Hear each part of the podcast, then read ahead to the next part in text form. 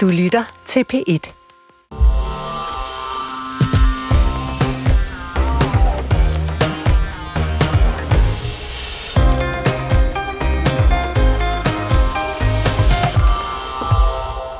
De billeder, vi har set derfra, er ganske, ganske forfærdelige. Der er øh, lige spredt ud over græsset og på pladsen øh, foran hospitalet. Mange af dem kan man simpelthen ikke genkende, og fuldstændig kaotiske scener med et overfyldt hospital og lægerne, der forsøger at redde dem, de kan.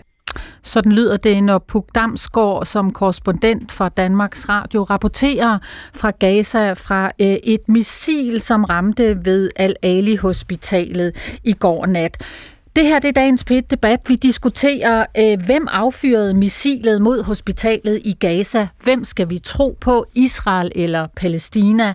Og hvem vinder propagandakrigen? Er det overhovedet muligt at flytte fløjene i den her skyttegravskrig, uanset hvor informationerne kommer fra. Du kan blande dig i dagens PET-debat med din mening. Du kan ringe, som altid, på telefon 70 21 19 19, eller du kan sms'e 1212 til P1. Hvem stoler du på, og hvor får du dine informationer fra? Og mit navn, det er Gitte Hansen.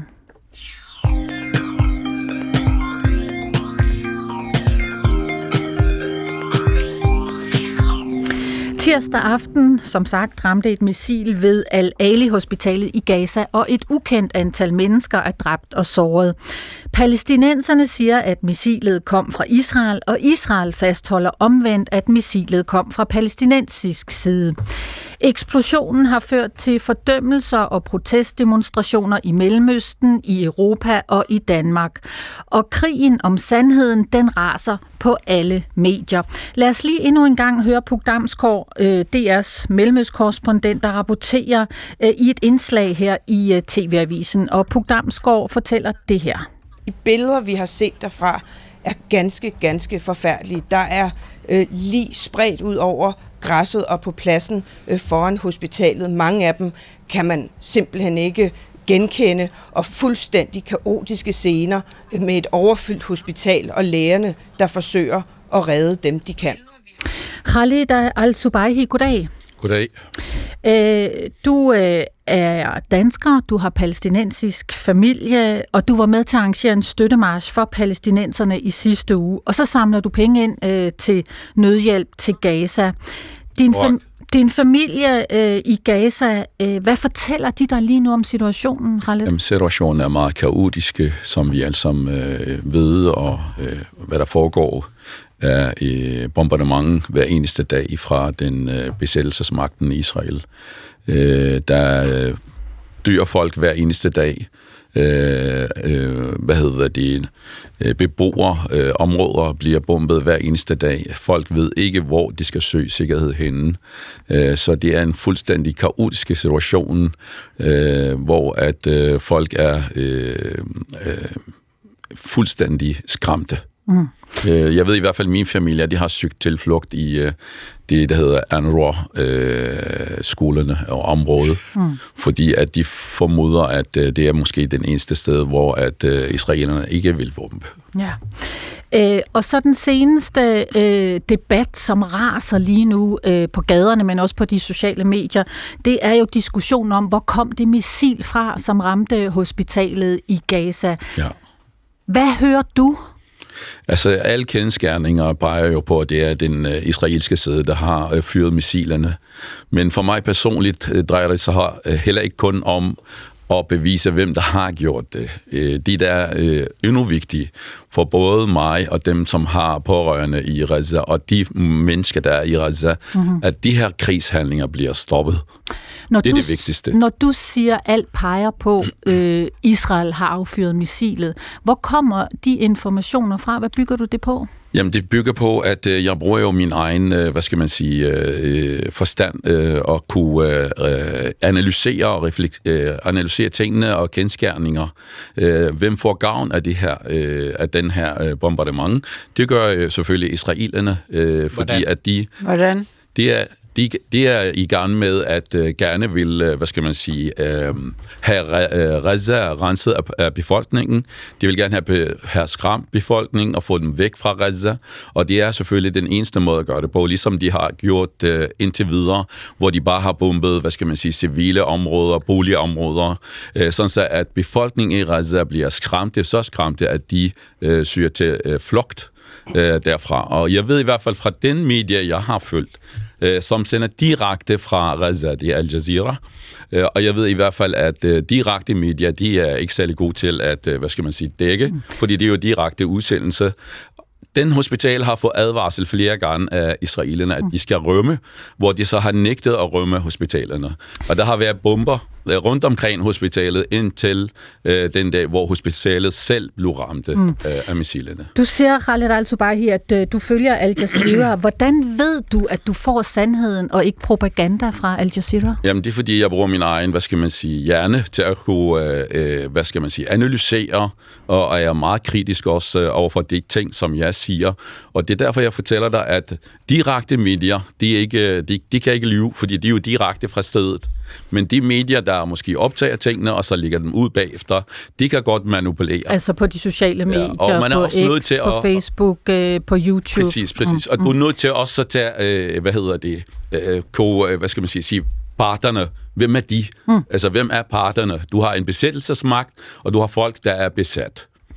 Besættelsesmagten har brudt alle konventionerne, alle krigslov, og har selvfølgelig, øh, hvad skal man sige, interesse i, at vi, verden tror på deres historie. Og når du siger besættelsesmagten, hvem er det så? Det er Israel siger du, Khaled al Men det er det jo. Det er jo FN, der har... Øh, øh, altså, det er jo FN's konventioner, der bekræfter, øh, at Israel er en besættelsesmagt i de områder, hvor de er. USA's øh, præsident Joe Biden var i Israel i går, og han siger, at øh, missilet ser ud til at komme fra den anden side fra palæstinenserne. Det lyder sådan her. I was deeply saddened and outraged by the uh, explosion at the hospital in Gaza yesterday. And based on what I've seen, it appears as though it was done by the other team, not not you. But there's a lot of people out there not sure. So we got a lot. We got to overcome a lot of things. Khaled, du griner. Ja, det gør jeg, fordi at det er jo fuldstændig øh, øh, øh, løgn øh, og bedrøveri. Han ved godt, at det er israelske missiler, og han, og han, og han ved også godt, at det vil skade både Israels image og øh, øh, amerikanernes image, øh, når han går ud og indrømmer, at det her faktisk missiler er kommet fra den israelske side. Niels Jespersen, goddag. Tak for det chefredaktør på det magasin, netmedie, der hedder Pio. Altså som sagt, øh, Biden øh, var i Israel i går og siger, at øh, alt tyder på, at det missil, der ramte ved hospitalet i Gaza, det kommer fra den anden side, fra palæstinenserne. Stoler du på det? Altså det baserer han jo på øh, vurderinger fra den amerikanske efterretningstjeneste, der blandt andet baserer det på øh, uvildige analytikere, der har fulgt den her øh, konflikt i lang tid. Så stoler du på det? Jeg, jeg, jeg synes, det lyder validt. Altså jeg, jeg har jo arbejdet som mellemøstanalytiker, men jeg har aldrig arbejdet med Israel-Palæstina, så jeg prøver at have sådan en, en form for ydmyghed i forhold til det her. Men, men i hvert fald sige, når, når jeg følger den her dækning, og de kilder, jeg har fulgt i, i mange år, helt tilbage fra krigen i Syrien og også over Ukraine, altså så er konsensus jo, at det her sandsynligvis er en raket fra palæstinensisk side, som er øh, hvad hedder det, fejlfyret, kan man sige. Altså, den er måske gået, øh, gået i stykker midtvejs, og så er den så landet på det her hospital øh, mm. med øh, ikke bare sin sprængladning, men ganske meget af det brændstof, der så skulle have bragt den til Israel. Og det er faktisk ikke øh, uhørt, at det sker. Ret ofte så er de øh, raketter, som bliver skudt ned, eller bliver affyret på palæstinensisk side, at de, de, de er ikke øh, særlig god kvalitet, så derfor så falder de ofte ned øh, og får sig tab mm. på palæstinensisk side. Men altså, nu siger du, øh, de kilder, som du forholder dig til. Hvor får du dine informationer fra? Det er jo i høj grad den her, ja, desværre boblende kloak, som er Twitter, og, og nu er det X. Øh, men der er jo, det er ikke et dansk ord for sådan cottage industry, men der er jo, der er jo rigtig mange, kan man sige, uafhængige, det, det hedder osendt, altså folk, der kigger på åbne kilder, øh, som lever af, eller har som hobby, og, og sidder og følger de her konflikter, som har en stor viden omkring, hvordan øh, eksploderer et missil eller en mm. bombe, det er der jo også nogen, der mener, det kan være. Altså, hvad, hvad har det af, af følgevirkninger, som sidder og analyserer de billeder, der kommer ud, blandt andet de live-billeder, blandt andet for Al Jazeera, som jo faktisk er en af hovedkilderne til, til, at det her sandsynligvis er en, en raket fra palæstinensisk side. Men hvordan ved du, du får sandheden derfra? Det ved man jo aldrig. Altså, det, det er jo ikke, der er jo ikke en entydig sandhed, men jeg vil sige, at der er mange usandheder. Så hvis man starter med at eliminere alle usandhederne, så kommer man nok tættere på sandheden. Men jeg vil sige, at der er jo mange upartiske kilder i den her konflikt, som ikke har en aktie hverken på israelsk eller palæstinensisk side, som man jo kan starte med at følge. Mm. Du er chefredaktør, som sagt, på netmediet Pio. Øh, du støtter regeringen i den her sag, altså som støtter Israel entydigt.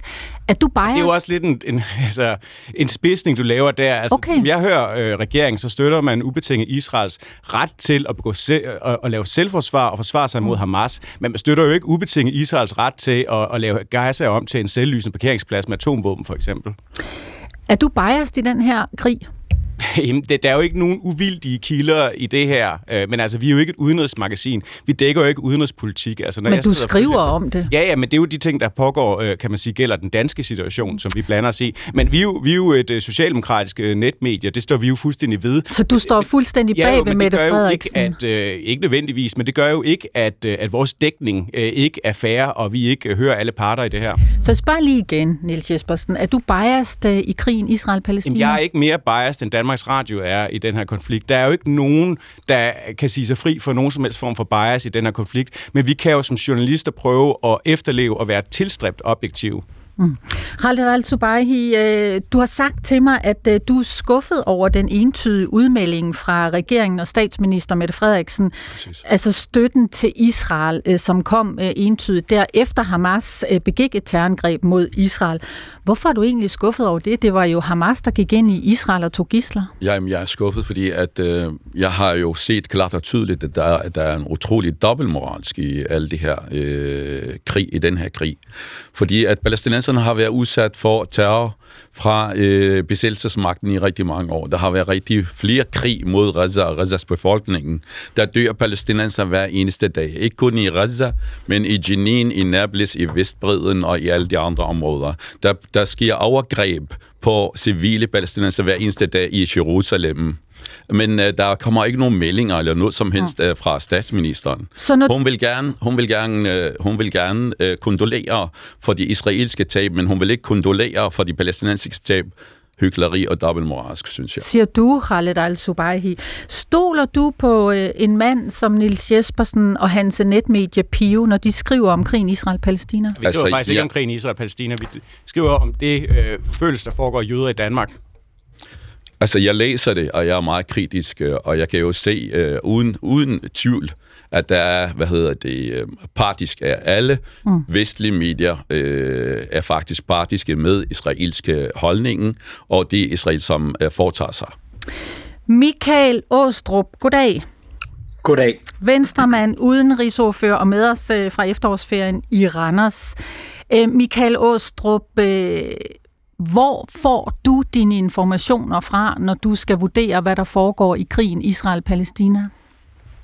Jamen, jeg får det selvfølgelig øh, åbne kilder, men derudover så som formand for det udenrigspolitiske nævn, øh, jamen, så har jeg selvfølgelig også øh, tilgang til øh, øh, efterretningstjenesterne, som jo øh, løbende briefer øh, os øh, i det udenrigspolitiske nævn, øh, under fortrolighed selvfølgelig, øh, omkring de øh, igangværende kriser, der er. Mm. Så, øh, så det er et mix af, af både øh, fortrolige kilder og så åbne kilder. Mm. Og hvem stoler du mest på, når der kommer informationer ud? Øh, er det Israel, eller er det palæstinenserne? Jamen, altså, det er svært at sætte det op sort eller hvidt. Altså, for os øh, har vi et øh, nært samarbejde med Israel, men det har jeg vi jo egentlig også øh, med palæstinenserne. Altså, det glemmer man øh, åbenbart fra nogen side nu.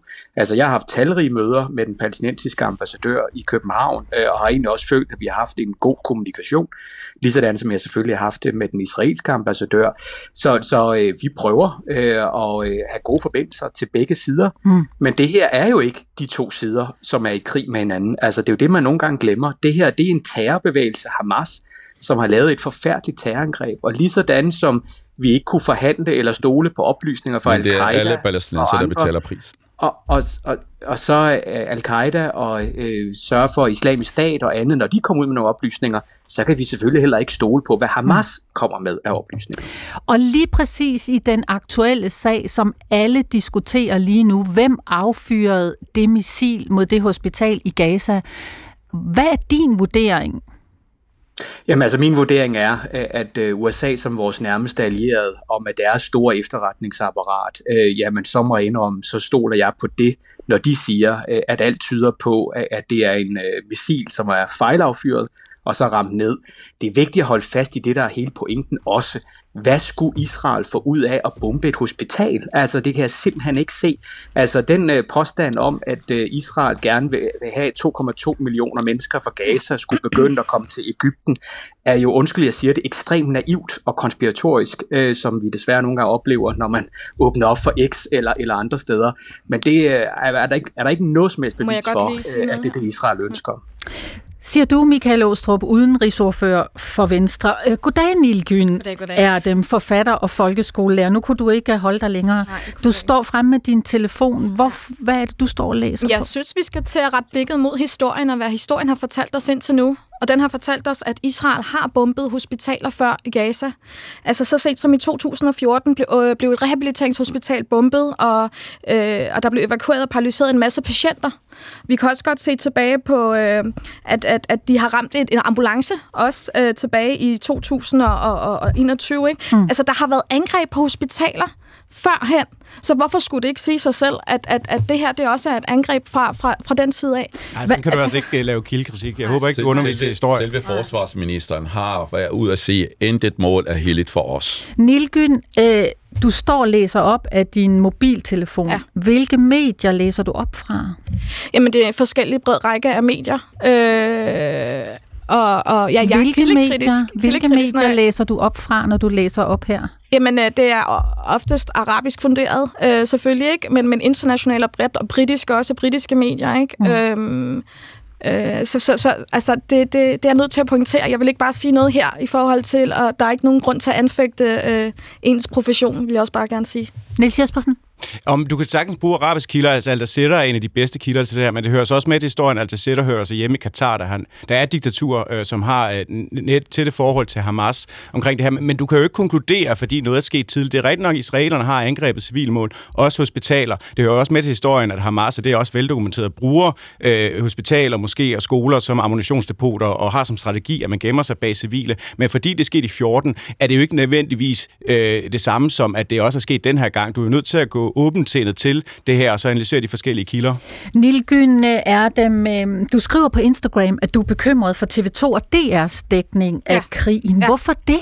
Jamen, jeg er vokset op med, med tyrkiske medier. Øh, selvfølgelig er jeg også totalt kildekritisk i forhold til, hvad der foregår af de der statsstyrede tyrkiske medier, øh, som dækker øh, meget mere nærværende, end de danske medier gør, som jeg, jeg synes, det er overfladisk. Altså, jeg har set, øh, hvad hedder det, øh, øh, møder fra... Øh, øh, øh, på hospitaler, hvor der står nogle læger og holder øh, et, altså, og fortæller om situationen, mens der ligger døde lige omkring. Ikke? Øh, det her, det er ikke opstillet. Det her, det er virkeligheden. Ikke? Hvad er virkeligheden? Virkeligheden er, at der er et hospital med en masse mennesker og en masse børn, der er blevet dræbt, og det skal vi erkende. Og hvem står bag, øh, ifølge dine kilder og din vurdering? Jamen, jeg tænker ikke, det ikke er usandsynligt, at det er Israel. Okay, det siger du, Nilgyn Erdem, forfatter og folkeskolelærer. Anna Thysen, goddag. Goddag. Direktør i We Do Communication øh, og øh, med en fortid i Israel. Du har boet der som ung. Mm. Øhm, den her øh, propagandakrig, informationskrig, altså hvor, hvor får du de informationer fra, som du stoler på? Jamen, øh, det får jeg som... Øh, det, jeg, jeg kigger jo alle mulige medier, alt det, jeg sådan kan læ- forstå, for eksempel mange arabiske medier. Jeg kan, taler jo ikke arabisk, eller hvad de, hvilket type øh, arabisk de nu skriver på eller taler på. Mm. Og det får jeg selvfølgelig også fra Israel, og jeg får det jo også fra min familie dernede. Og jeg får jo også... Jeg, jeg jeg, jeg, jeg, lige så vel, altså jeg er jo biased af, af H til, og det har jeg ingen problemer med at være øh, erkende. Jeg er jo ikke et medie for det første. Øh, jeg er debattør, så jeg, jeg kan jo mene dybest set, hvad jeg vil, og så kan man blive sur på mig, og det er der æder med mig også folk, der gør. Men, men når jeg taler med, med mine venner og familie dernede, så er det jo også det er jo en virkelighed, de har levet i, i ter, også det, de kalder terror, med, med, med almindelige civile israeler, der, der, er blevet, øh, der er blevet dræbt. Og det terrorangreb, som Hamas stod bag, det er jo, det er jo deres opfattelse af det, som hele Hamas går ud på, det er at have de her terror, øh, gisler med ind i, i Gaza, skjule dem blandt almindelige civile, uskyldige palæstinenser, skjule sig selv der, så Israel har den størst mulige, hvad skal man sige, øh, besvær med at få ram på Hamas, fordi de bruger øh, uskyldige til at gemme sig bag, og det, og det De gør det jo alligevel det gør Det de vel ikke samme- alligevel. Det er det, altså det, det og, og det jeg, altså jeg er jo boet i Israel, og jeg er jo, jeg er jo, jeg ser jo den, jeg ved ikke om sige, det er propaganda, jeg er ikke så vild med ordet propaganda, for det er vel også bare kommunikation, det er jo almindelige mennesker, der har, fra begge sider, der har lov til at fortælle, og de viser jo øh, øh, kvinder, der er blevet, altså, øh, der er blevet øh, misbrugt og voldtaget, før man tog dem som gisler, eller før man dræbte dem, er eller efter man dræbte dem. Ja, det er da familien, der har det. Det er, det er i hvert fald, må jeg sige, Carlet, lige så validt som det, du kommer med. Det er det vel. Prøv Eller lige så let validt som det, du kommer med. Der er jo ikke noget der sted, der står skrevet, at det, du hører fra din palæstinensiske familie, at det er mere rigtigt, end det, jeg hører fra israeler i Israel. Khaled? Ja, men det, det, det er ikke det, jeg prøver på at sige. Jeg prøver på at sige, at selvom Hamas har taget nogle gisler med og taget med ind i Gaza, giver ikke Israel lov til at bombe alle dem, der er i Gaza, mm. og slå en hel masse civilfolk ihjel. Det er jo den samme øh, strategi, eller den samme princip, som Hamas siger, at så længe at der er bosætter, så har vi ret til ja. at angribe. Ja. Altså, det er en, mod- de siger, at vi er en modstandsbevægelse mm. imod Israels besættelse, og alle dem, der bor i de bosatte områder, som er omkring Gaza, de er også nogen, der er med til at besætte vores land. Siger Så kan du, vi gå og sige, det, det er den her strategi, det er det samme. Det vi skal gå ind og se, hvordan kan vi få begge parter til at sidde til forhandlinger, sådan så at der ikke er nogen jødiske mor, der skulle miste sin søn eller sin datter, Okay. eller en palæstinensiske mor, der skulle miste sin søn eller sin datter. Anna det er jo sådan, vi skal gøre. Lad mig lige spørge dig, altså det, som der jo i den gang øh, i den grad er gået ild i lige nu i debatten på alle medier, det er, hvem stod bag det angreb mm. på det hospital i Gaza. Hvad siger dine kilder? Hvem står bag?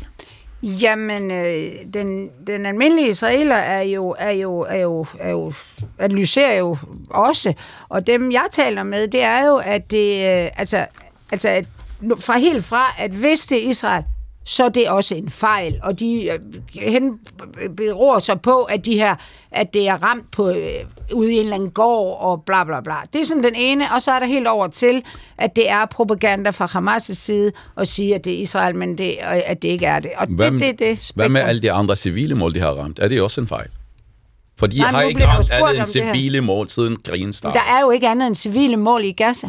Præcis. Derfor skal de æder med ikke gå ind og, og lave Men- krig blandt civile befolkning. Anna Thysen, Khaled Al-Subaihi, hold inde. Øh, vi skal lige en uh, tur til uh, Jakob Korsbo. Goddag, Jakob. Goddag, goddag. Senioranalytiker, Tænketanken Europa, og så er du også tidligere mellemøstchef for Forsvarets efterretningstjeneste. Jakob Korsbro, kan du øh, være med til at afgøre, hvem står bag missilet, der ramte ved hospitalet i Gaza? Ja, det mener jeg godt, jeg kan, og øh, jeg kan sige, at jeg bruger faktisk ikke medier til at bestemme det. Øh, jeg bruger de øh, data, der kommer ud, de hårde data, og øh, jeg har været lidt skræmt af at, at høre den her debat indtil videre, for der er sagt meget, som simpelthen er øh, ukorrekt, og øh, hvis man tror, man gør øh, palæstinenserne nogen som helst øh, tjeneste ved at fremføre ukorrekte påstande, og vice versa, og gør israelerne tjenester ved at fremføre ukorrekte påstande, jamen så, så, så er det i min verden noget, øh, noget nonsens. Så det, det må vi til livs. Og dertil vil jeg så bare sige, altså når man går ind og arbejder med de hårde data, vi trods alt kan få ud af de billeder og videoer, så er der intet, der tyder på, at det her var andet end et, øh, en raket affyret fra Gaza, som skulle have været i Israel, og som eksploderer op i luften. Det er stadfæstet fuldstændig, hvor den kom fra, og hvor den eksploderede. Og, øh, Og hvor kom den fra, Jakob? Jamen, den kom inden fra Gaza. Der, var, der er billeder af en større Ja, det skal vi øh, by, tro på. Der bliver af... Jamen altså fuldstændig, fordi du kan bruge de data, der er inde i de her clips. Og Khaled, Så er vi nogle idioter, hvis vi skal mig. tro på det. Øjeblik. Men er øjeblik, Øjeblik. Hvad er det for nogle dataer? Lad lige Jakob Korsbo få ordet. I de her videoer, som der er professionelle OSINT-folk, der, der øh, øh, sidder og øh, gennemtravler. Jeg har fulgt de her øh, folk i halvandet år i Ukraine, selv når jeg har været skeptisk over for deres konklusioner og har været i direkte kontakt med dem. så ender de med at få ret. Det er tekniske data. Plus, og hvem er de kilder? Nu lukker jeg lige for dig, Khaled, fordi nu skal vi lige høre ja, Korsbro først. Hvad er, det for, hvad er det for kilder, du, øh, du siger, som stadfæster, at det missil kom fra Gaza? Jamen, det er blandt andet noget, der hedder geoconfirmed, og der er flere andre udbydere, der, der simpelthen går ind og gennemtrævler de her tekniske data mm. for at slå fast, jamen hvad var det egentlig, der skete? Og så alt muligt, hvad der bliver kolporteret rundt omkring på medieplatformer og sådan noget, det bliver vi nødt til bare at lægge til side, mm. og så holde hovederne koldt. Okay, Jakob Korsbo, øh, hvordan ved, du, hvordan ved du, at det er sandheden, du formidler lige nu? Jeg, jeg ved i hvert fald, det er så, så tæt på sandheden, som vi kan komme. Jeg vil sige, derudover er der alle billederne fra i går. Altså, der var jo ikke... Hvad er det for altså, nogle billeder? Du, når, når du analyserer billederne af, hvor øh, den her raket, øh, den røg ned, jamen så kan du se, der er ikke et hospital, der er blevet smadret. Der er et nedslag af en mindre rakettype ude på en parkeringsplads. Det har øh, forårsaget øh, vinduer, der er blæst ind. Der er ingen mure, der er væltet. Der er ingen bygninger, der ikke er nogenlunde intakte. Og hvad siger det dig, Jacob Korsbro? Hvad siger Jamen, det, det dig? siger i hvert fald, at den her påstand om, at det skulle være et israelsk luftangreb eller et kraftigt missil, det kan det ikke være, for det vil lave en helt anden type af øh, destruktion. Og det er de billeder, vi har set fra Gaza, og som jeg overhovedet ikke antaster. Og jeg anfægter slet ikke øh, øh, de humanitære lidelser, eller hvor mange, der øh, øh, gennemgår helvede på jord internt i Gaza nu. Hmm. Og det har jeg den dybeste sympati med, men vi bliver altså nødt til at holde hovedet koldt her, og lade være med at lade os lede på afveje af alt muligt øh, øh, mm. påstanden, der, der cirkulerer derude. Korsbro, der er rigtig mange fingre i vejret, og I skal nok alle sammen få ordet, men jeg skal lige spørge dig, altså Jakob Korsbro, bliver du også en part i krigen, når du går ud med den her markante melding? Nej, det, det, det er der nogen, der vil gøre mig til, og det accepterer jeg som et vilkår. Øh, jeg går efter sandheden og kommer så tæt på, som jeg overhovedet kan komme. Øh, jeg har arbejdet med det her i rigtig mange år, øh, og, og jeg ved godt, at man bliver beskyldt for det ene og det andet. Jeg har et, et lod her, og det er at holde skidt for sig og snot for sig, og jeg er lige så meget palæstinensisk, pro-palæstinensisk, som jeg er pro-israelsk. Jeg kæmper for en to-statsløsning, det har jeg sagt, det har jeg skrevet, og alle og enhver kan gå ind og, og kæmpe for det. Jeg mm. ved, hvad der skal løses på den israelske side, for at det kan lade sig gøre, og der har vi en kæmpe øh, kamp at føre bagefter, og øh, det vil jeg også håbe, at den danske regering går meget mere ind i, end det har været tilfældet hidtil. Okay.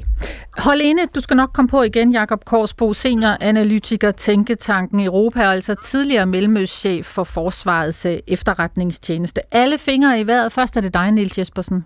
Det, som er en stor forskel på israelerne og palæstinenserne, det er ikke, at nogle af parterne nødvendigvis er mere troværdige end andre, men det er, at Israel er et åbent samfund med menneskerettighedsorganisationer, med en venstrefløj, med en kritisk presse. Når i de israelske myndigheder lyver, og det gør de ret ofte, så bliver det ofte debunket af dem selv. Altså, de, de, de har masser af folk i Israel, der ikke laver andet. Og danske journalister kan bevæge sig rundt i Israel. Når Puk Damsgaard for eksempel taler om Gaza, taler hun jo om billeder, hun selv ser, for hun er jo ikke til stede her. Det er ikke en kritik af Puk Damsgaard. Det er bare enormt svært. Der er jo ikke noget arabisk Haaretz, for eksempel, som den store venstreorienterede avis i Israel, som man kan syndikere klummer for. Der er ikke nogen arabiske øh, B'Tselem, som er den her menneskerettighedsorganisation, som ofte kritiserer, øh, med rette mener jeg, øh, de israelske myndigheder for at begå overgreb mod palæstinenserne. Og, og, hvor, og hvor, vil du hen, hvor vil du hen med det, Jamen, det er Niels bare, at, at der er mange flere bullshit-detektorer i Israel. Det er meget nemmere at debunke løgne fra den side, end det er fra den palæstinensiske side. Og så vil jeg bare sige, Khaled, det er meget interessant, det du siger om voldtægterne her, fordi det er rigtigt nok, vi ved ikke, om nogle af de her gisler er blevet voldtaget. Vi har hørt vidnesudsagn, vi har set billeder af gisler, der har været afklædte eller har haft blod omkring skridtet, som jo typisk tyder på, at de er blevet voldtaget.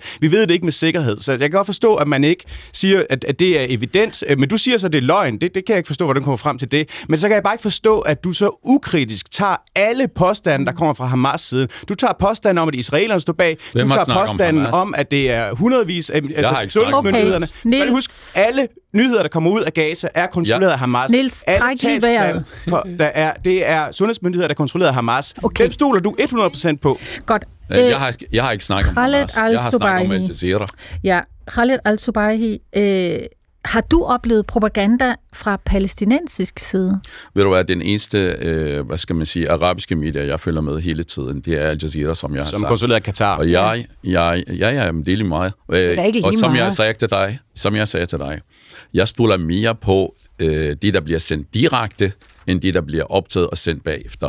Og Al Jazeera sender hele tiden 24 timer direkte, Men Khaled, direkte, fra Gaza-området. direkte tv. Og de var til stede, da den her hospital blev bombet, og journalisten løb, mm. løb fra den ene sted til den anden, og to film af alle ligene, der blev spredt rundt omkring, alle de børn, der blev bombet, alle de uh, læger, der har været på hospitalet. Mm. Det er direkte udsendelser. Hvordan Okay. skal jeg sige, det er løgn? Khaled al også direkte tv bygger jo på kilder, der fortæller noget, som på en eller anden måde uh, tager afsæt et eller andet sted i deres virkelighed. Ligesom live radio, vi laver lige nu i p Debat, jo også gør det. Så kan du altid vide, at live tv er sandheden, også fra Al Jazeera? Jamen, jeg vil bare sige en ting. Det er, så længe vi bliver ved med at dække over Israels kriminelle handlinger og lovbrud, så vil Israel fortsætte med at begå de her øh, brud.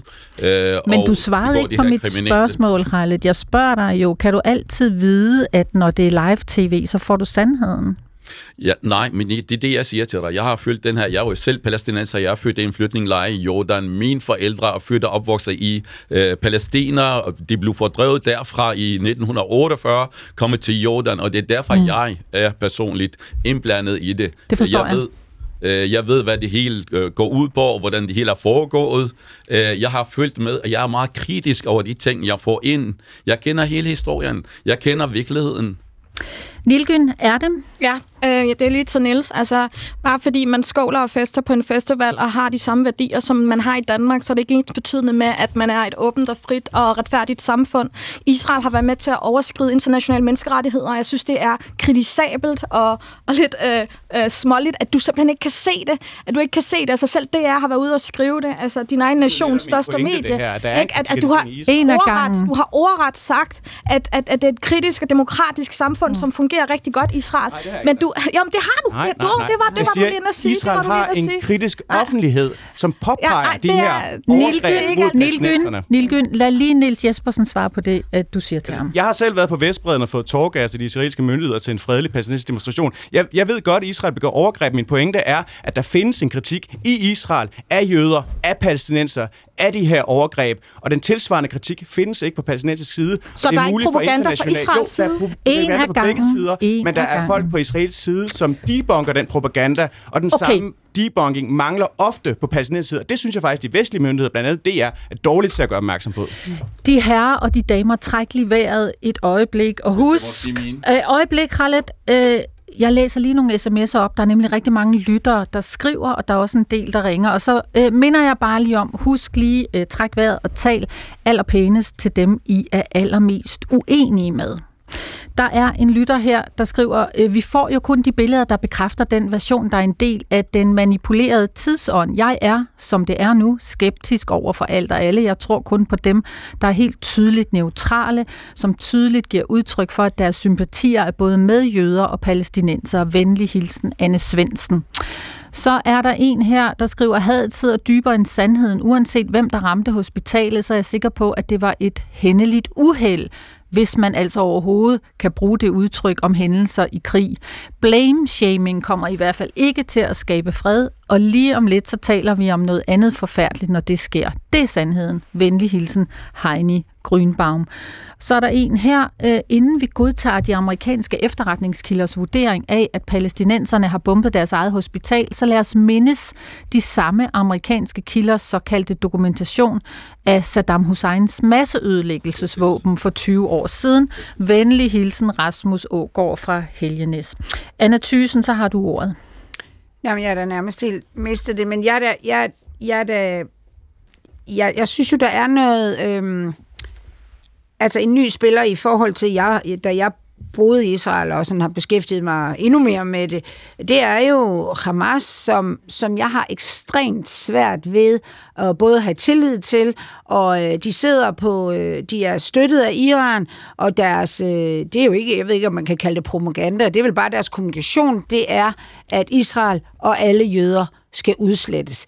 Det synes jeg jo giver en, og, og, og, og det er jo ikke, altså, det, det, det er jo ikke fordi, I skal, man skal sådan, øh, altså, være, være med dem, men når jeg bevæger mig rundt i Danmark, og jeg var jo en af dem, der dukkede op til den her minde jødiske haløjsa til hold, hvad, hvad kaldte du Fredsringen. Nå, det ved jeg ikke, hvad det var. Vi var stod egentlig synagogen. bare... Nej, nej, det var ikke der. Det var på Israels plads. Hvor der blev spyttet, man blev spyttet på af, af palæstinenser, og at der var tydeligt, tydeligt Hamas øh, til flag og alt muligt. Det er jo den opfattelse, man får, at øh, palæstinenser i Danmark støtter op om Hamas. Det, det er da det, jeg sidder tilbage med, når jeg sådan kigger rundt, og vi får at vide, at man er i Danmark til en fuldstændig, der var, at der var nærmest, at vi var måske fem ikke jøder, ikke israelere eller gift med dem. Og vi fik alligevel at vide, at det vigtigste, vi skulle tage med os fra den her, det var nærmest, I må ikke tage flaget mere. I må ikke vise det israelske flag til nogen, for så er I færdige. Og det, er, det synes jeg bare er, er og gør jo også, at jeg får sådan en, en måske bliver mere bias til Israel, altså, uden at, mm. altså, som mm. jeg jo er i forvejen, fordi jeg simpelthen synes, det er så ubehageligt mm. med den måde, Hamas er på. Siger du, Anna Thysen. Så er det dig, Nil dem. Ja, jeg vil også sige, hvad er Hamas et produkt af? Altså Hamas, hvornår var det? Det blev altså kommet til. Det er jo produkt af undertrykkelse og had. Altså had gror i et jord, der bliver gødet med ondskab, ikke? Og med undertrykkelse.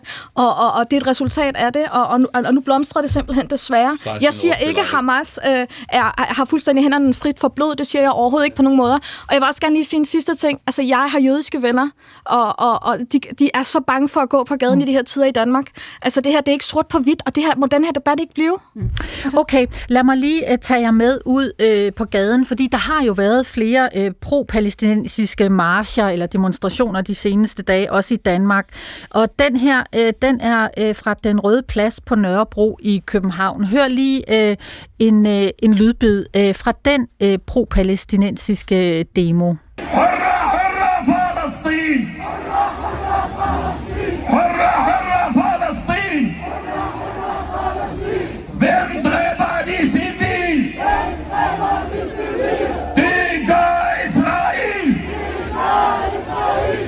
Er det dig, Khaled, vi hører her? Hvad er det, du råber? Det, jeg råber, det er befri, befri palæstiner. Dem, der dræber de civile, det er Israel. Hmm. Og Hvor, øh, hvis jeg må lige øh, hvordan, sige... hvordan kan du entydigt sige, at øh, det er Israel, der dræber civile? Hamas har lige begået et terrorangreb i Israel. Helt ærligt, Gitte. Altså, vi følger jo med, øh, og det er israeler, der bomber hver eneste dag på civile befolkning. Altså, ikke alle israeler. Det kan enhver se. Altså, det kan enhver, som bruger sine øjne og sin forstand, kan se Israel bomber civile mål hver eneste dag. Hmm. Hvis jeg må lige tilføje, prøv nu at høre her. Jeg har også råbt det i min tidligere demonstration. Jeg sagde, og jeg sagde Wallah. Når en muslim siger Wallah, så er det fordi, man svæver. Vi hedder ikke jøder. Palæstinenser hedder ikke jøder. Jeg ved ikke, øh, hvem med iranerne, hvad, hvad, hvad de vil, hvad de ikke vil. Palæstinenserne gik med til fredsaftalen i 1993. Oslo-aftalen netop for at få fred. Er der nogen, der er interesseret på, at der skal være fred, så er det palæstinenserne, fordi de er den svageste del Israel er en af de største militære magt i verden, og vi er interesseret i, at der ikke kommer flere krig siger du, Khaled Al-Subaihi. Øh, lige en tur tilbage til dig, Jakob Korsbro, senioranalytiker, yes. Tænketanken Europa. Den her informationskrig, øh, som kører øh, især på de sociale medier, men også alle andre steder, hvor farlig er den i forhold til krigen på landjorden? Jo, men ja, altså, jeg synes absolut, den er, den er farlig, og øh, øh, jeg synes også, at den er et øh, produkt af 10 år, 15 års øh, fejlslagen øh, vestlig politik. Jeg synes, vi skal kigge indad, fordi når, når tingene bliver udlagt på den her måde, når vi når vi øh, oplever så mange øh, rundt omkring i verden, der ikke entydigt tager afstand fra Hamas og terror som, øh, som middel øh, og, og, og drab mm. øh, på øh, civile, jamen så er der en, også en årsag til det. Og, hvad, og, og når du øh, siger, og, Jacob Korsbo, jeg skal bare lige forstå, ja. Øh, når du siger øh, fejlslagen politik, altså hvad er det ja. så, der er gået galt? Jamen altså, vi har jo ikke gjort noget for at løse øh, det, øh, situationen mellem Israel og, og, og Palæstina, og øh, vi har set til, mens øh, øh Netanyahu-regeringen har undermineret de palæstinensiske myndigheder gennem 10-15 år, og det har jeg heldigvis skrevet om. Så, så, så jeg vil bare sige, det er, vi bliver også nødt til at kigge ind og sige, jamen altså, når, når, når der er så mange, der fremlægger øh, forkerte øh, fakta, og så mange tror på noget, som man egentlig burde kunne tilbagevise ret enkelt, mm-hmm. jamen så reflekterer det også tilbage på os selv, fordi vi har været, og der er jeg enig med Khaled i, vi har været dobbeltmoralske, og vi har forsøgt at vende ryggen til det virkelige problem omkring Israel og Palæstina, og det har været vores store svigt. Og hvad er det virkelige problem? Jamen det er, at den uh, to-stats-løsning, uh, som uh, der har været debatteret lige siden uh, Israel blev oprettet, og før Israel blev oprettet under det mm. palæstinensiske mandatområde i, i uh, under det britiske herredømme i sin tid, ikke? der... Uh, der, der, det har vi ikke rykket os tættere på, og vi har ikke gjort noget for at gennemføre det. Præcis. Vi har vendt det blinde øje til, og vi har accepteret, at Netanyahu-regeringen har udbygget bosættelser, har flyttet hovedstaden til Jerusalem. Øh, Trump-regeringen flyttede øh, øh, den amerikanske ambassade til Jerusalem. Hmm. Det er aftalt, at palæstinenserne skal have en hovedstad i Øst-Jerusalem. Så kan det ikke nytte noget af alt det her. Og der, der bliver vi altså bare nødt til at være skarpere, og vi bliver nødt til at gå ind og så sige, det der er aftalt internationalt, det er det, vi øh, kæmper for, og det bliver vi altså nødt til at gøre med meget mere kraft, end vi har gjort. Siger du, Jakob Korsbo. Michael Åstrup, øh, som udenrigsordfører for Venstre, altså øh, det store svigt, øh, tager du ansvaret for det? Nej, det gør jeg ikke, for man kan bare lave en simpel Google-søgning på mit navn, og så Israel, så man får ret mange artikler om, hvor jeg har været meget kritisk øh, over for ikke mindst Netanyahu-regeringen øh, igennem årene. Altså, jeg øh, har også været totalt imod, øh, og det har vi også sagt, øh, Trumps flytning af ambassaden. Øh, problemet er jo bare, øh, at øh, det er en rigtig, rigtig svær konflikt, øh, fordi vi har jo faktisk fra dansk side, det er som om man glemmer det for nogle debattørs side i dag, vi har faktisk været rigtig engageret i forhold til Palæstina. Vi har været rigtig engageret i forhold til øh, både med økonomisk hjælp i stor, stor stil, øh, men også med diplomatisk assistance øh, prøvet øh, at, øh, at, øh, at forhandle. Men altså, vi er jo også, altså, vi skal heller ikke stige os blinde på, vi er det land, vi er øh, i størrelse, så vi kan jo heller ikke gå ind og, og løse en konflikt, mm. hvis ikke parterne ønsker at løse den Nils Jespersen, øh, som chefredaktør på netmediet Pio, øh, Hvem ser du, hvem vurderer du er i gang med at vinde den her informationspropagandakrig? Altså, jeg tror, at, at tidsånden er nok med palæstinenserne. Altså, jeg tror, populærkulturen er, er nok der, hvor de står stærkest. Jeg mener også, at den israelske regering, vi har nu, som er den mest højere ekstreme mm. og også inkompetente nogensinde i Israels historie, Præcis. fremmedgør rigtig mange, øh, blandt andet folk som mig, altså på, på midten og, og ud mod venstrefløjen, som, som jo grundlæggende, kan man sige, sympatiserer med det israelske projekt. Så den tror jeg, at palæstinenserne vinder. Anna Thyssen, du står og nikker. Jamen, jeg, jeg er enig, altså. Bare med min egen, altså... Altså, da jeg boede i Israel, og der også var problemer, og min, min, øh, min daværende israelske mand, jeg kan huske, han sagde, Anna, jeg ved godt, hvad der kommer til at dræbe Israel. Det er de ekstremt højorienterede og de religiøse. Øh, hvis der, eller dræbe væk, han brugte det, så jeg, jeg er fuldstændig enig at, i, at øh, den vej, man går nu med at, at blive endnu mere hardcore, det, det er ikke vejen frem. Khaled? Øh, jeg vil sige, at vi må ikke glemme, at øh, den siddende regering nu, med Netanyahu og øh, den øh, forsvarsminister, der er, de har interesse, at den her krig fortsætter. Netop fordi de står begge to til at blive sparket ud, øh, lige så snart den her mm. krig stopper. Øh, Netanyahu er jo øh, anklaget med, med, med fire forskellige bedragerisager. Øh, forsvarsministeren har jo øh, blevet øh, anklaget af selve israelerne i Israel at han har sovet i timene øh, og ikke har været, øh, hvad skal man sige, ansvarlig nok, øh, kompetent nok til at kunne forudse den angreb, der har været. Thyssen, du markerede lige der. Ja, altså, jamen det, kan, altså, det kan da godt være, at han har, altså, sådan på papiret er det jo rigtigt, og det er også før, før Hamas-angrebet ville jeg købe den bedre, men lige nu tror jeg bare, at øh, personlig korruption og sådan, altså, er lagt lidt til side, men det er da rigtigt, der er, der er jo en stor, også mange af dem, jeg kender i Israel, der, der synes, han øh, ikke er bevarer hovedet koldt, og, men det der, jeg synes, der er et stort problem i Israel i forhold til tostatsløsning, det jeg hører, det er, at det her øh, angreb fra Hamas, det har gjort, at der er rigtig mange israeler, der har troet på det før, der ikke tror på det, og siger, at vi kan ikke leve i fred, klods op af nogen, der opfører sig sådan. Det er så, så, så, Jamen, så, så, så tager man sige, alle palæstinenserne over. Men Hamas er jo mod en tostatsløsning, så hvad er der ja, forhandler om? Ja. Nilgyn er dem her afslutningsvis, ja. altså som forfatter og folkeskolelærer. Hvis du kigger ud over informationspropagandakrigen lige nu, øh, hvem vurderer du så vinder den krig? Altså, der er nok ret øh, enig med det, Niels øh, sagde. Øh, det, det, det, det er en tid, hvor de unge mennesker også øh, ligesom har noget at sige omkring det her og oplyser sig selv, men, men informationer derude er rigtig meget, og det er vigtigt at have nogle begreber og metoder til, hvordan man kildekritisk går til og, og mm. finder hoved og hale i Så det hvem vinder krigen lige nu øh, på propaganda? Øhm, det vil jeg sige, Palæstina gør. Mm. Dem, der har sandheden på ja. sin Men, men jeg synes, der er et begreb, der mangler at blive nævnt her i dag, og det er sionismen og de mørke kræfter, som spiller... Øh, altså, altså ligesom Hamas ikke repræsenterer øh, det palæstinensiske folk 100%, så repræsenterer den mørke zionisme heller ikke det israelske folk, som også gerne vil have Netanyahu afsat. Ikke? Mm. Sådan, det blev øh, det sidste ord i første afdeling af dagens PET-debat. Tusind tak for, at I var her og tog den svære diskussion med ild i. Tusind tak. Vi fortsætter efter tre minutters øh, nyheder fra radiovisen. Dem får du her lige om et øh, ganske kort øjeblik.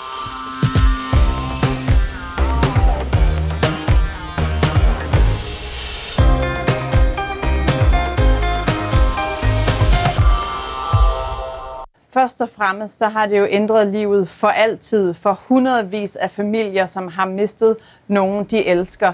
Og så har det sat ild til en vrede mod Israel i Mellemøsten, som fandtes i forvejen, hvor man ser det her som endnu et israelsk overgreb øh, mod palæstinenser. Og det har fået en række lande i regionen til at fordømme Israel. Øh, det gælder Iran, og også Hezbollah-bevægelsen, den militante bevægelse, som findes i Libanon. Og det er lige præcis det, man frygter både i, i Israel og i USA og i Vesten, nemlig at den her konflikt kommer til at gribe om sig.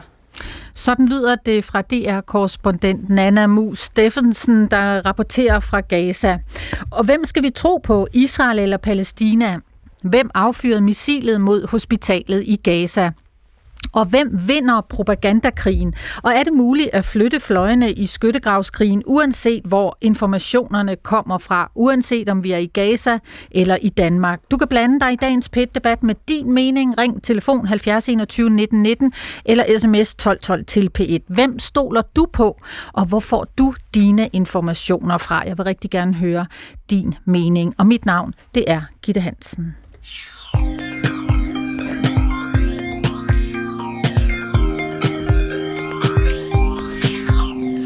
Anna Thysen, øh, lad os lige øh, sætte os ned på det danske landkort. Altså, du er kommunikationsrådgiver og direktør i WeDo Communication, og du deltog ved mindehøjtidligheden øh, efter, at Israel blev angrebet af Hamas for snart 14 dage siden. Hvorfor gik du med der? Jamen det gjorde jeg, fordi øh, at jeg gerne vil vise min sympati med de øh, israelske øh, borgere, israelere, øh, øh, og familier, altså de folket, der var altså blevet ramt, men helt ned på personniveau.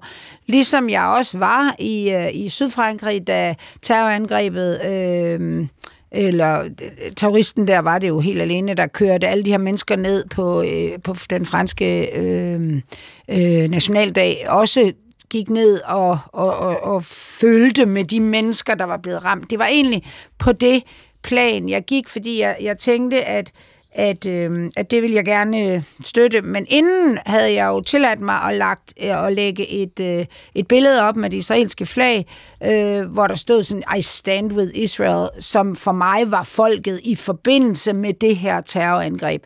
Og det kan man nok sige, øh, det, det kan jeg lige så godt være ærlig at sige, at jeg fortrød. Hvorfor?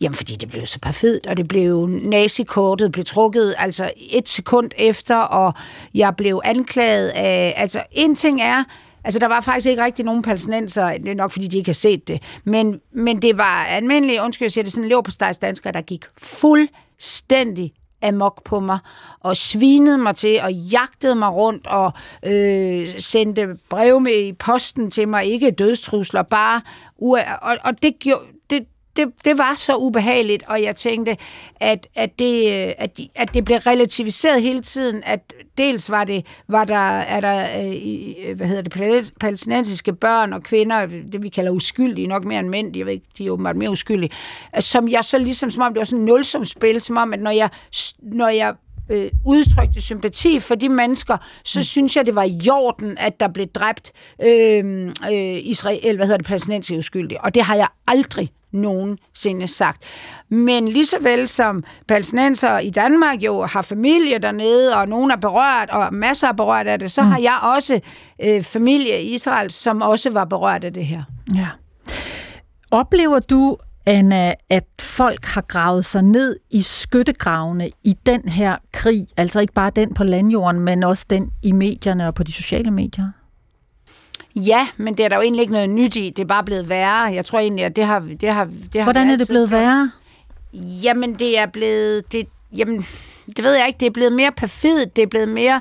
Og jeg, jeg, jeg, som jeg også sagde tidligere, altså jeg synes, at, at, øh, at det, der adskiller sig, og det kan jeg godt sige, det er jo, at den israelske regering er blevet mere højorienteret og mere, øh, altså hvad skal jeg sige, anti palæstinensisk nærmest, og øh, Palæstina, eller hvad skal vi sige, bliver i højere grad repræsenteret af en terrororganisation, som vil udslette Israel og alle jøder, og er, synes jeg, også på deres måde ekstremt primitiv i den måde, de, øh, de kommunikerer på. Siger du, Anna Thysen. Goddag, Jan Håby. Goddag næstformand i det, der hedder Landsforeningen for Socialpædagoger.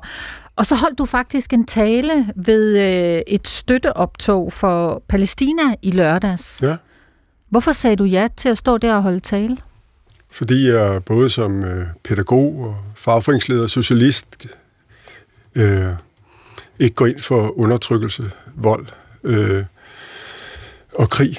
Øh, og at man bliver nødt til at, at vise, at, at, at den her den her tragiske handling med 1300-1400 jøder, øh, eller israeler, som blev slået ihjel, øh, er et produkt af 75 års øh, undertrykkelse af, af det palæstinensiske folk, øh, det man kalder Nakba, øh, i 48, altså katastrofen. Og det vi kigger ind i nu, det er en, øh, det man kalder den anden Nakba, altså den endelige etniske udrensning af palæstinenser fra Gazastriben. Og derfor tænker jeg, at øh, moderation har brug for at, at få en stemme. Fordi at jeg er modsat de fleste, der snakker om to-statsløsninger, så, så tror jeg ikke på en to-statsløsning. Jeg tror på en et-statsløsning. Hvad hvor, betyder det?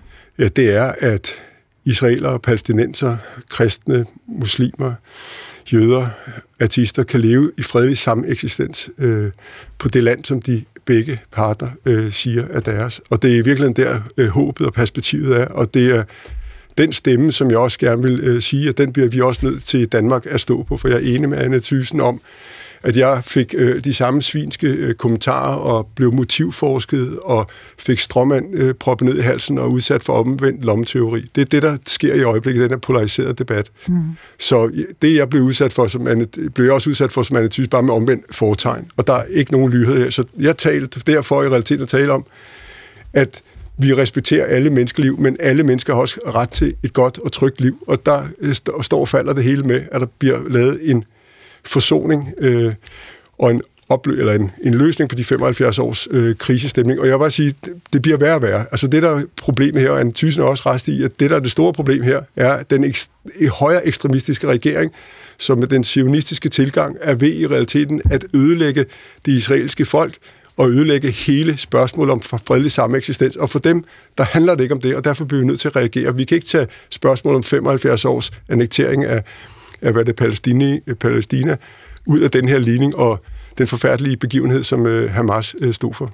Jan Hoby, har du valgt side i den her krig, når du står og holder tale øh, til en pro-palæstinensisk øh, demonstration? Jeg har valgt side for palæstinenser og israeler. Jeg tror på en etstatsløsning. Jeg vil bare sige, PLO, den palæstinensiske øh, frihedsbevægelse, øh, besluttede i, i 1968 at gå ind for en etstatsløsning, og Fatah øh, tilsluttede sig året efter, at man vil have en etstatsløsning. Og der man kan sige, siden da er det bare blevet vanskeligere og vanskeligere, og man har mere og mere puttet øh, de palæstinensiske folk over i permanente øh, koncentrationslejre. Gaza er en koncentrationslejr.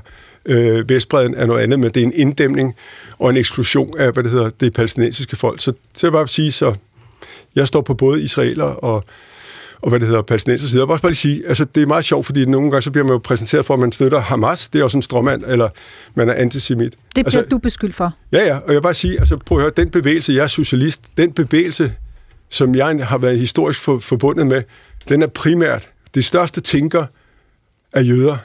Og der er en lang tradition for, at den øh, socialistiske bevægelse mm. har været fyldt med, med jøder, så det er bare for at sige, at vi kan godt, vi bliver nødt til at adskille de der ting. Det handler om en regeringsadfærd og en monster, der hedder Hamas, som Israel har været med til at udvikle, fordi de har bekæmpet de moderate styrker og kræfter i den palæstinensiske befolkning.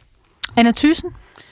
Ja, altså det er jo måske mere altså med, med, med min erfaring, eller oplevelser, det er jo, at, at, og det er jo der også min familie kommer ud af, efter 2. verdenskrig øh, stod der en, øh, en, en, altså en, de ikke gassede jøder, i hvert fald fra Europa tilbage, og man havde længere, man havde jo før arbejdet på den her øh, israelske, israelske stats tegning. Og det blev, øh, og det, de sionister, jeg er vokset op med, det er jo øh, det er jo det, der kom ud af FN's øh, erklæring i 1948, hvor man beslutter, at, øh, og det er jo faktisk et større Israel, end, end, end der egentlig er i dag også, at det vil man, øh, det, det gav, og det kan man selvfølgelig brokse over og synes er, er 5 år, 75 års besættelse, men jeg tror, at almindelige israeler mener, at den stat er legitim nok.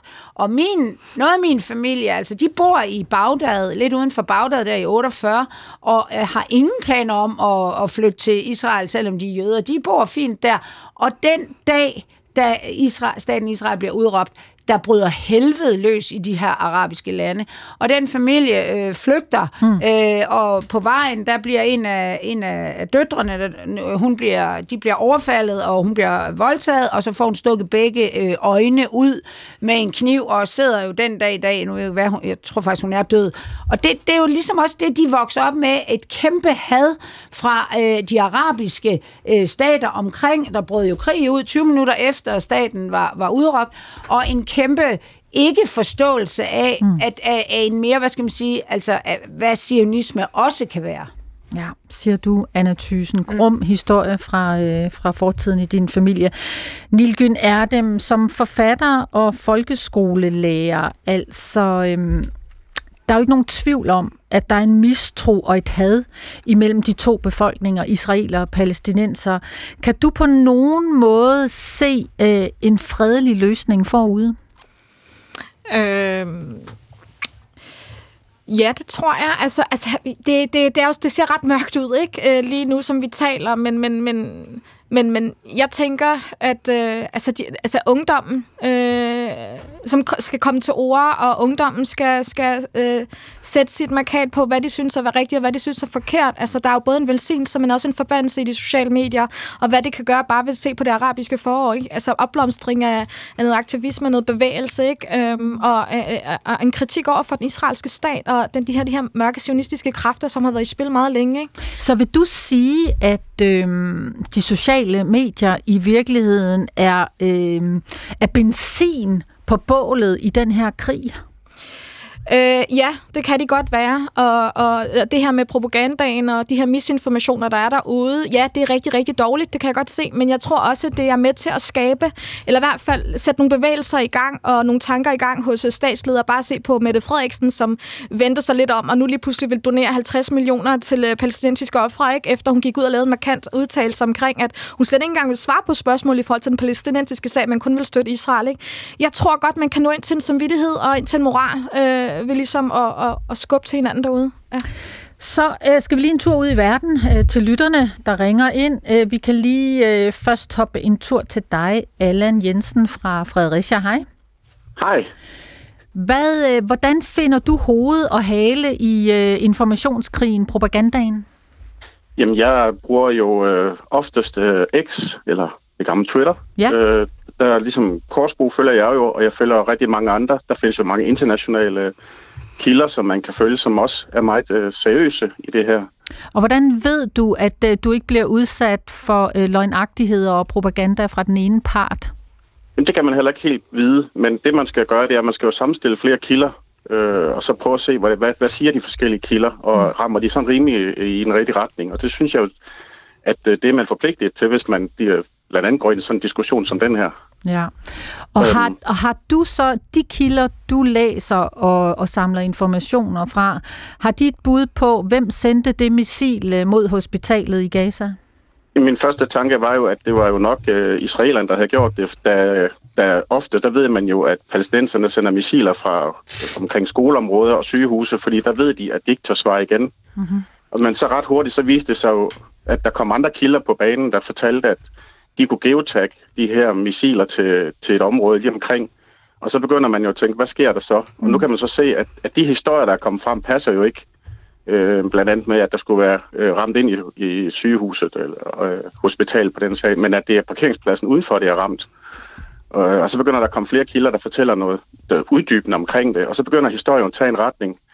Men allerede der, der har man jo allerede, kan man kalde det, hijacket historien ude i, i de arabiske verden og begyndt at bruge det her imod øh, Israel og som en en sådan wake-up call for at starte en, en, en, ja, en større sag imod Israel på det her, selvom det ikke er sandfærdigt, øh, som det ser ud lige nu i hvert fald. Og det kan man kun sige, som det ser ud lige nu, fordi der er jo, der er jo ikke noget, der er bevist øh, 100%. Det er jo igen øh, billeder, der det, man læner sig op af.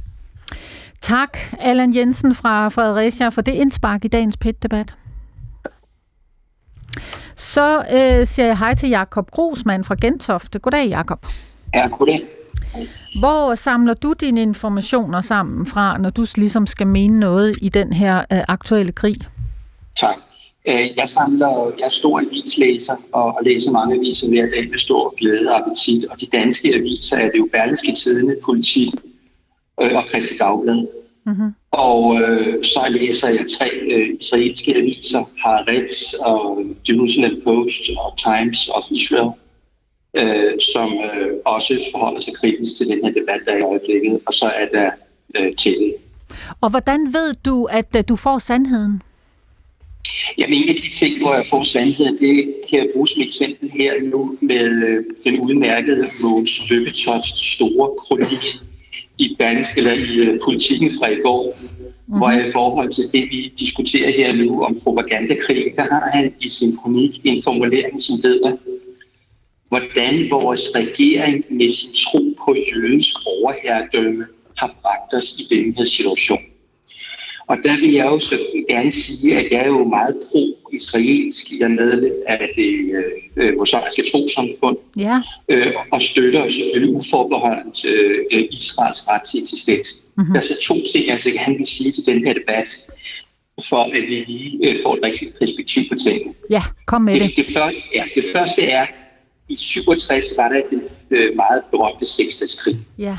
Der skal vi huske, at Vestbreden var blevet holdt besat af Jordan fra 1948 til 67. Alle de mennesker, der var på Vestbreden, de havde jordansk pas. Mm-hmm. Jor- Jordan aflyser passene og statsborgerskabene til sin egen befolkning.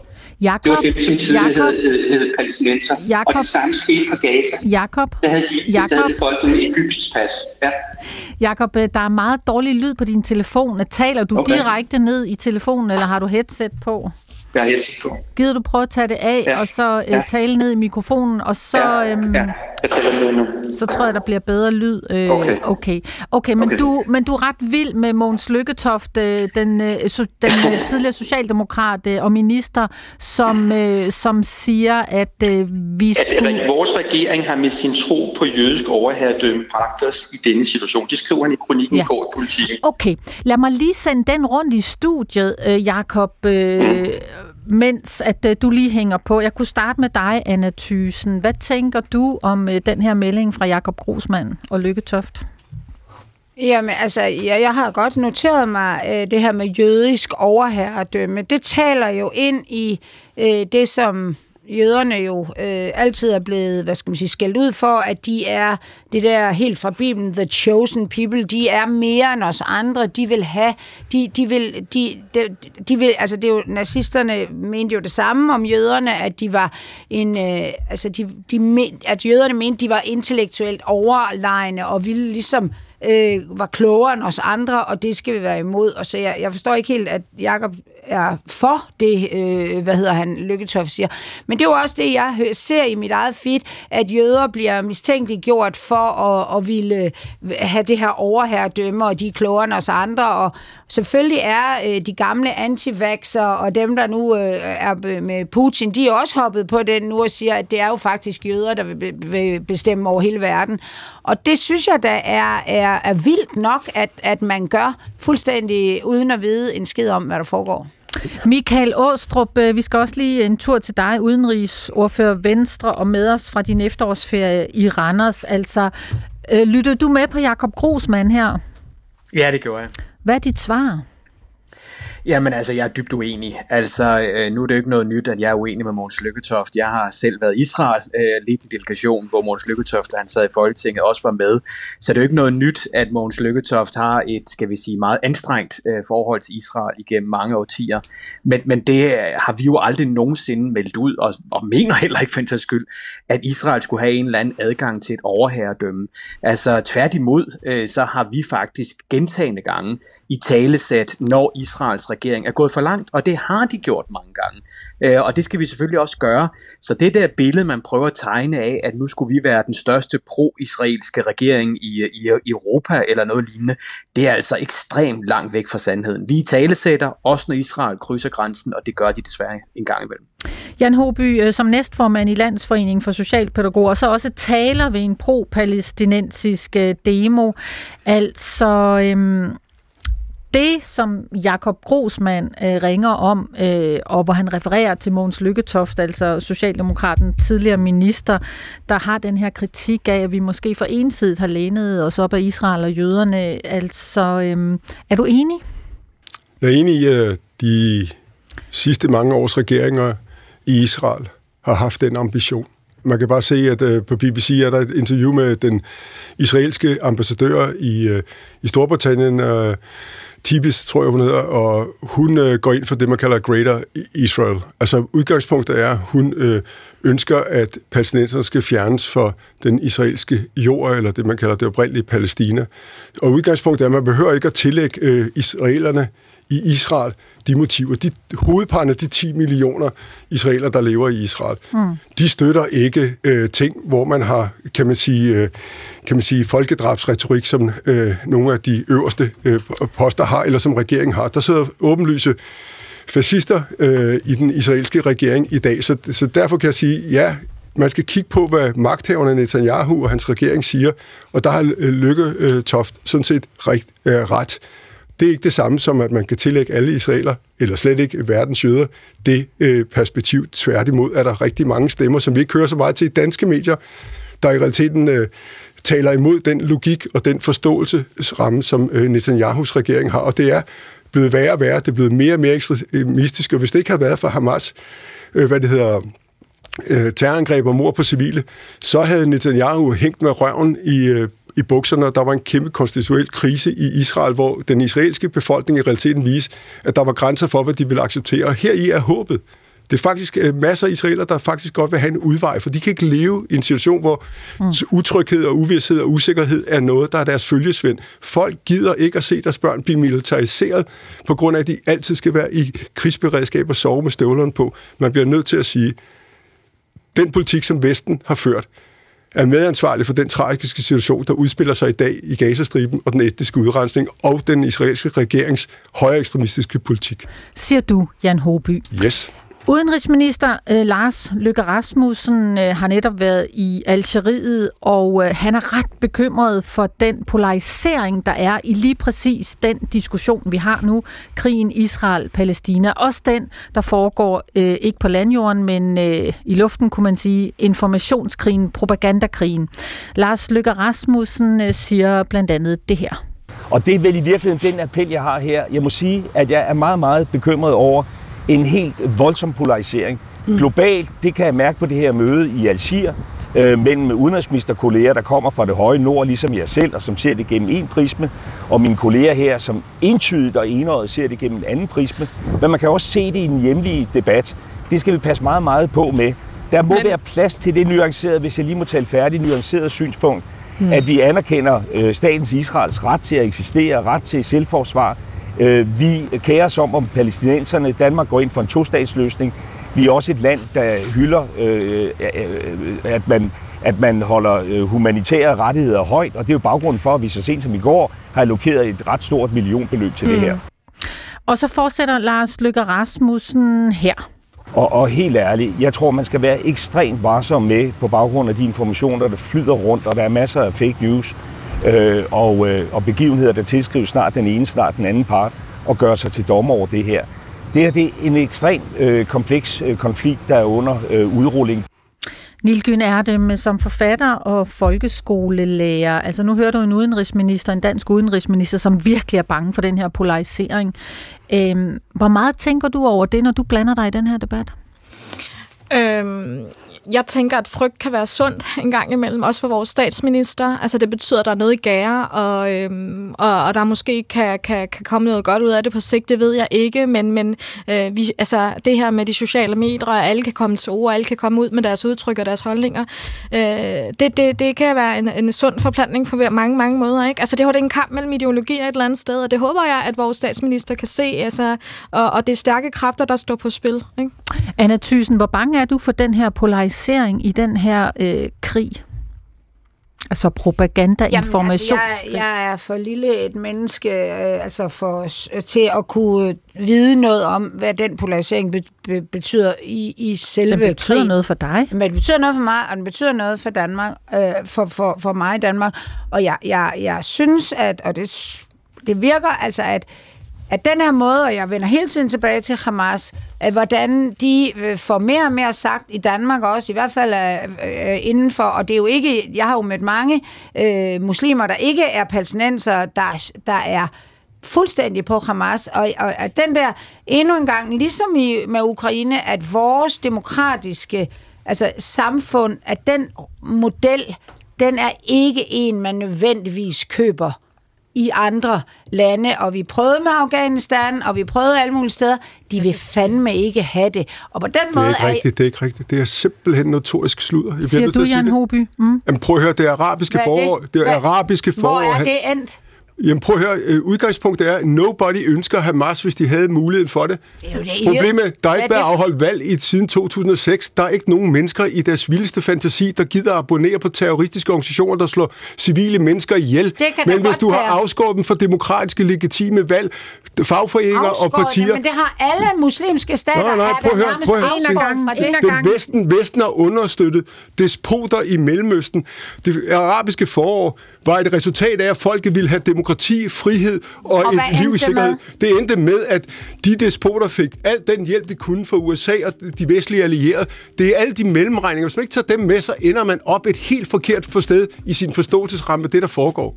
Og nu ender jeg øh, denne udgave af dagens PET-debat med et punktum. Tusind tak til alle jer, der kom og tog diskussionen. Der er ild i, der er mange følelser i. Øh, tak for at være her. Programmet i dag det blev skruet sammen af Camilla Michelle Mikkelsen, Mathias Pedersen og Christian Gravholdt. Og øh, mit navn det er Gitte Hansen. Og øh, lige om lidt, så får du øh, dagens udgave af Genstart. Tak for i dag. Tak for i dag.